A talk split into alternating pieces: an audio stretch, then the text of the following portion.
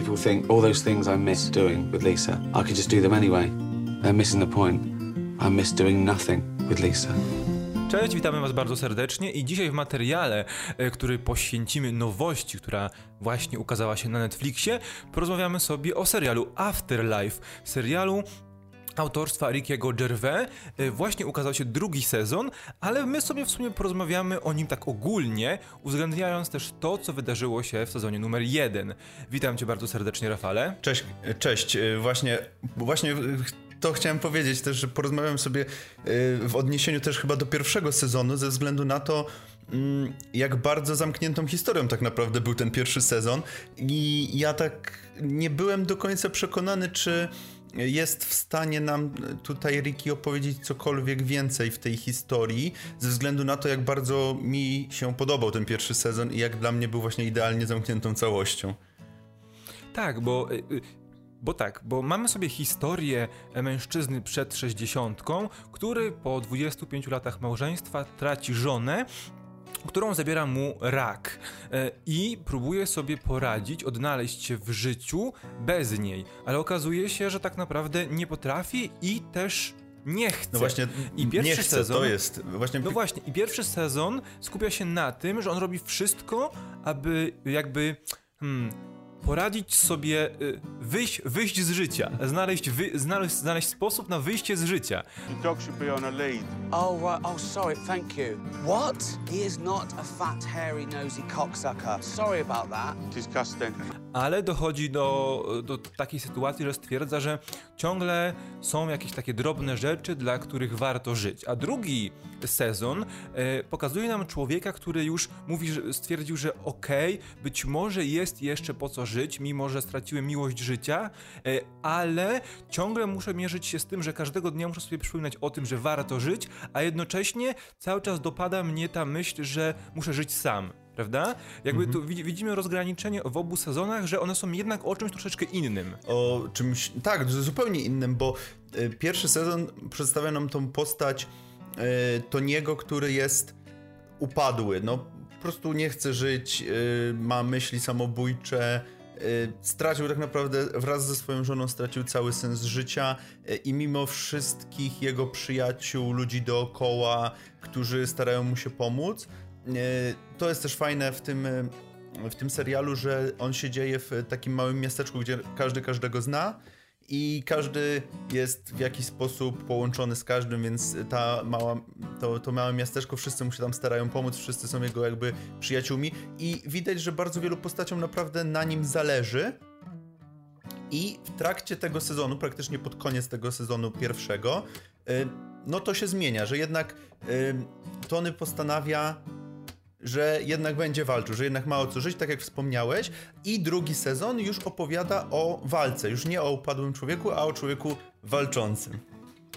Tak, i e, to jest chyba bardzo istotne. To, że akcja tego serialu dzieje się w małym brytyjskim miasteczku, jest bardzo istotne, bo, bo widzisz, gdyby historia działa się w ogromnym mieście, jakim jest, nie wiem, Londyn, Nowy Jork, Los Angeles, to bardzo łatwo byłoby mu uciec od ludzi e, i zamknąć się w sobie tak naprawdę Dokładnie. przestać w ogóle dbać o, o cokolwiek, o kogokolwiek. A tutaj, kiedy wszyscy naokoło w pracy, czy po prostu naokoło, kiedy wyjdzie z domu, znają go, wiedzą kim jest e, i co mu się w życiu przetrafiło i są z nim połączeni, to sprawia, że bardzo ciężko jest uciec od e, całego, całego życia. E, Co prawda, e, Tony cały czas powtarza, że on się nie zabił tylko dlatego, że jego pies był głodny. Bo Tony ma psa, Brandy, e, która, e, którą, o którą dba, o którego dba bardzo E, bardzo dobrze, bardzo nieustannie i troszczy się. I tak właściwie to e, w pewnym momencie, w kluczowych momentach w ogóle e, obu sezonów, to Brandy jakby doprowadza do tego, że on jednak nie, od, nie odbiera sobie życia, bo ja przed e, oglądaniem drugiego sezonu powtórzyłem sobie, z racji tego, że to jest bardzo krótki e, serial, pierwszy sezon, jakby w czwartek obejrzałem jeszcze raz e, sezon numer jeden, w piątek obejrzałem sezon numer dwa i to bardzo, bardzo ładnie widać, że to właściwie Brandy są takie trzy kluczowe momenty, w, trzy albo cztery kluczowe momenty w, obu, w sezonach łącznie, gdzie on jest już na tym skraju, tak naprawdę pierwszym, ratownikiem jego życia jest tak naprawdę jego pies który odgrywa bardzo, bardzo wielką rolę też jako, jako ta rzecz, no wiadomo, jako zwierzak, który łączy ciągle ciągle łączy Tony'ego z Lisą, czy jego e, zmarłą żoną. Tak, i tak naprawdę łączy go też ze światem żywych i tak jak wspomniałeś, faktycznie y, no jest, no tak jak wspomniałeś, jest ratownikiem. Ale ja bym chciał jeszcze wspomnieć też o tych pozostałych postaciach, które, bo wspomnieliśmy, że ma tu, mamy tutaj przyjaciół i, e, i, i znajomych, którzy, którzy gdzieś tam otaczają e, Rickiego i też są to Rickiego, czyli Ton, Tonego, czyli tą postać, którą, którą gra Ricky. E, I są to naprawdę też barwne i ciekawe postacie, szczególnie tutaj mówię na przykład o Roxy, która jest e, pracownicą seksualną, jak to mówią. Ona nie jest prostytutką. Tak. Tylko pracownicą E, seksualną. Ale w ogóle ten, ten e, kalejdoskop tych, Mhm. ten, ten zbiór, ta, ta grupa tych e, postaci drugoplanowych jest niesamowicie kolorowa, bo mamy właśnie Roxy, mamy listonosza Pata, Dokładnie. Hmm. mamy Leniego, który jest e, ludzką plasteliną w oczach e, Toniego, który ciągle je. Mamy też jego szwagra, czyli brata jego e, żony, która zmarła, który jest jego szefem tak naprawdę i przyjacielem i pomaga mu się, stara mu się pomóc cały czas pozbierać, pozbierać po utracie żony. Mamy też, pa, zapomniałem jak, jak ma na imię, ta pani, która... Był, żo, żona, która straciła e, męża i z którą Ricky Tony ciągle spotyka się na, e, na cmentarzu, e, ona też wprowadza bardzo wiele pozytywnej takiej energii do, do tego światopoglądu Ann. e, Tonego na to, jak, jak, jak życie może wyglądać po stracie, po stracie bliskiej osoby. I wiesz, w tym filmie jest też ważny ten.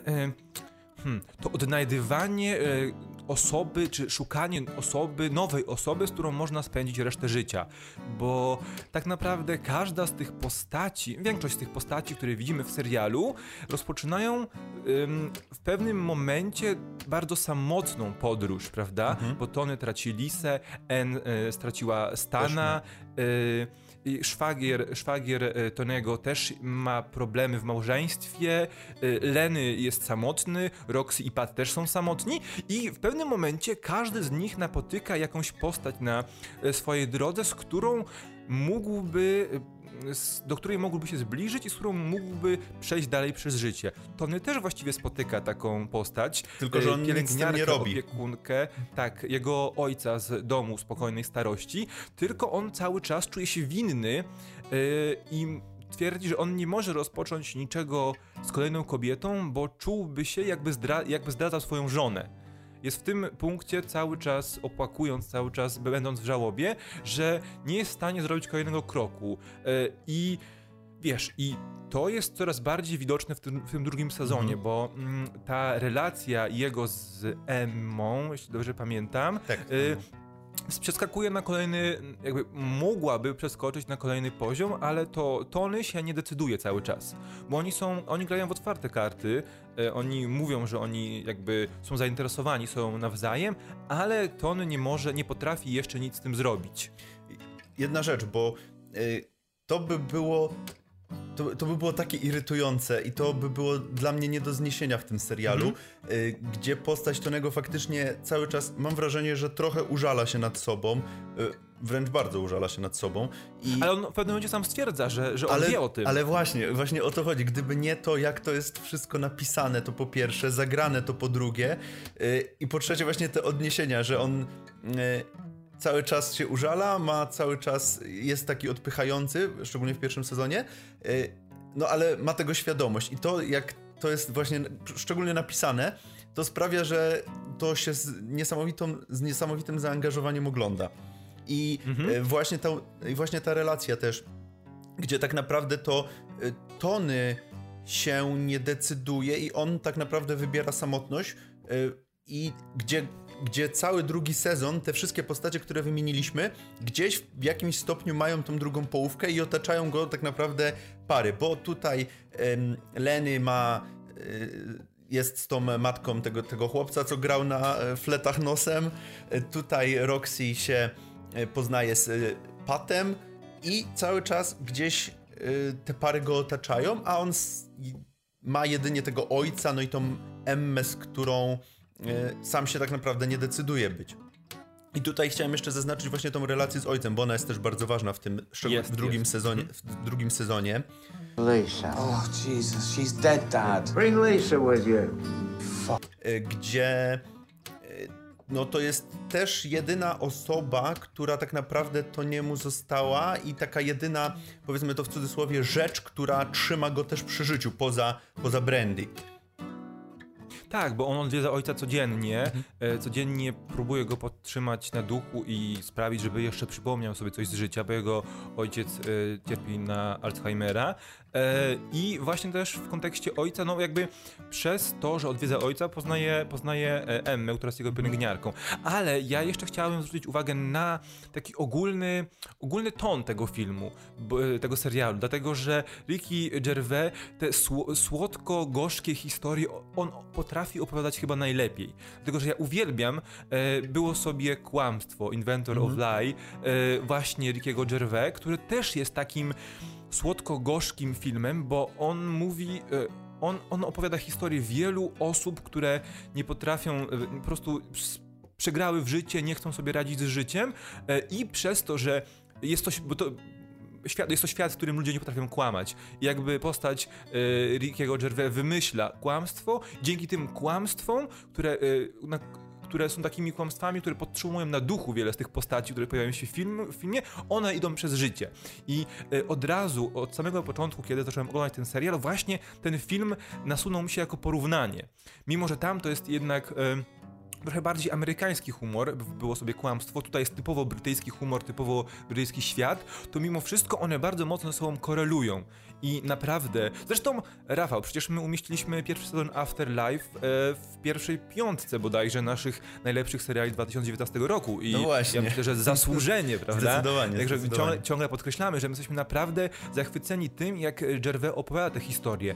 Na taką małą, taką zwykłą, taką e, bardzo mocno depresyjną historię opowiada w niesamowicie sposób, z, niecham, z niesamowitym humorem i też zacięciem, bo on pokazuje, że mimo, to, mimo tego, że Tony poddał się w pewnym momencie, poddał, już nie chce żyć, to on ciągle co chwilę znajduje te drobne rzeczy, które sprawiają, że, że, że idzie przez życie ten kolejny dzień, kolejny tydzień, kolejny miesiąc. I to jest fantastyczne.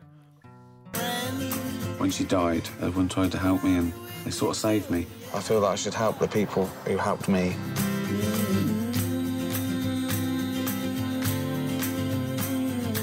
Faktycznie tutaj ten humor ym, Rickiego i ten humor y, taki mocno osadzony w, y, w tej kulturze brytyjskiej y, miesza się z tymi dość trafnymi osądami na temat życia i na temat tego, co jest w życiu ważne.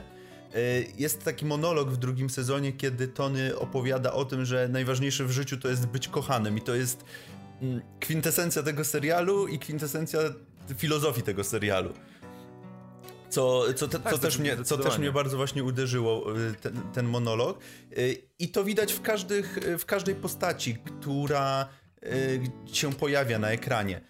Y, Każdy, mim- mimo, że część osób tego nie przyzna, część osób by tego nie przyznała, część tych postaci, to, to faktycznie y, te, temu przyświeca, y, ten cel przyświeca y, temu serialowi. Wiesz co, ja mam taką jeszcze jedną, jedną rzecz, którą chciałem powiedzieć, że ten serial jest zupełnie różny od większości seriali, bo z reguły bywa tak, że to e, główny, nasz główny bohater jest tą, tą osobą, którą e, której kibicujemy, a reszta lub większość bohaterów na ogół jest tymi o, o, postaciami odrażającymi, z którymi niektóre tylko wchodzą w drogę naszemu bohaterowi. Zazwyczaj, z, z reguły tak jest. Tutaj jest zupełnie odwrotnie. Wszystkie postacie, które otaczają Tony'ego są naprawdę życzliwymi, ciepłymi osobami, dzięki którym y, on uczy się radzić sobie z tą sytuacją. Często dużo bardziej niż momencie on są życzliwe i ciepłe. bo w pewnym momencie on stwierdza, że jakby w pewnym momencie on stwierdza, że on nie może aż tak użalać się na sobą, bo każdy ma jakiś problem, który musi sobie poradzić, a dodatkowo skoro on ma tyle wolnego czasu już teraz i nie ma co robić ze swoim życiem, to być może będzie tą wesołą, tą dobrą cząstką, e, jakimś elementem w życiu innych. I stara się to robić cały czas, szczególnie w tym drugim sezonie, kiedy już zmienia trochę nastawienie do swojego życia, co wydaje mi się naprawdę, e, no Tak, tam są takie... Takie cie ciepłe, prawda? Tam są takie w ogóle sceny w drugim sezonie, gdzie oni siedzą w tym biurze i, i Tony mówi e, do, poje, do poszczególnych osób, e, chodź na kawę, chodź na kawę, zabieraj na tą kawę, gdzie zaczyna użalać się nad sobą i oni wszyscy zaczynają płakać i potem wychodzą z tej kawiarni i no dzięki, że mnie wziąłeś, mam lepszy humor.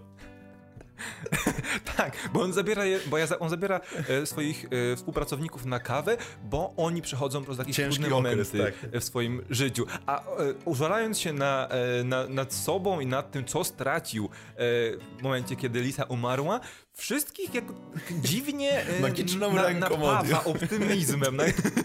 To jest niesamowite.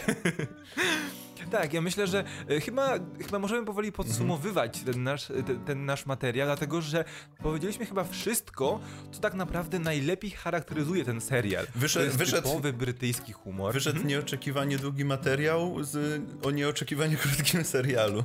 Dokładnie tak. To jest y, naprawdę, jeśli lubicie taki typowy brytyjski, stonowany y, humor, który trochę żartuje sobie z problemów życiowych, trochę odpowiada na pytanie, jak sobie z nimi poradzić, to Afterlife, oba sezony, bo tak naprawdę ten materiał jest o obu sezonach, jest idealnym serialem dla was, który wciągniecie w jedno popołudnie, w jeden wieczór. Albo jeżeli lubicie, lubicie. Rickiego Gervaisa na przykład, y, oglądaliście na przykład jego stand-upy, bo też są jego stand-upy na Netflixie, jeżeli podoba wam się tego Mhm. rodzaju humor, no to tutaj znajdziecie go w trochę innym wydaniu.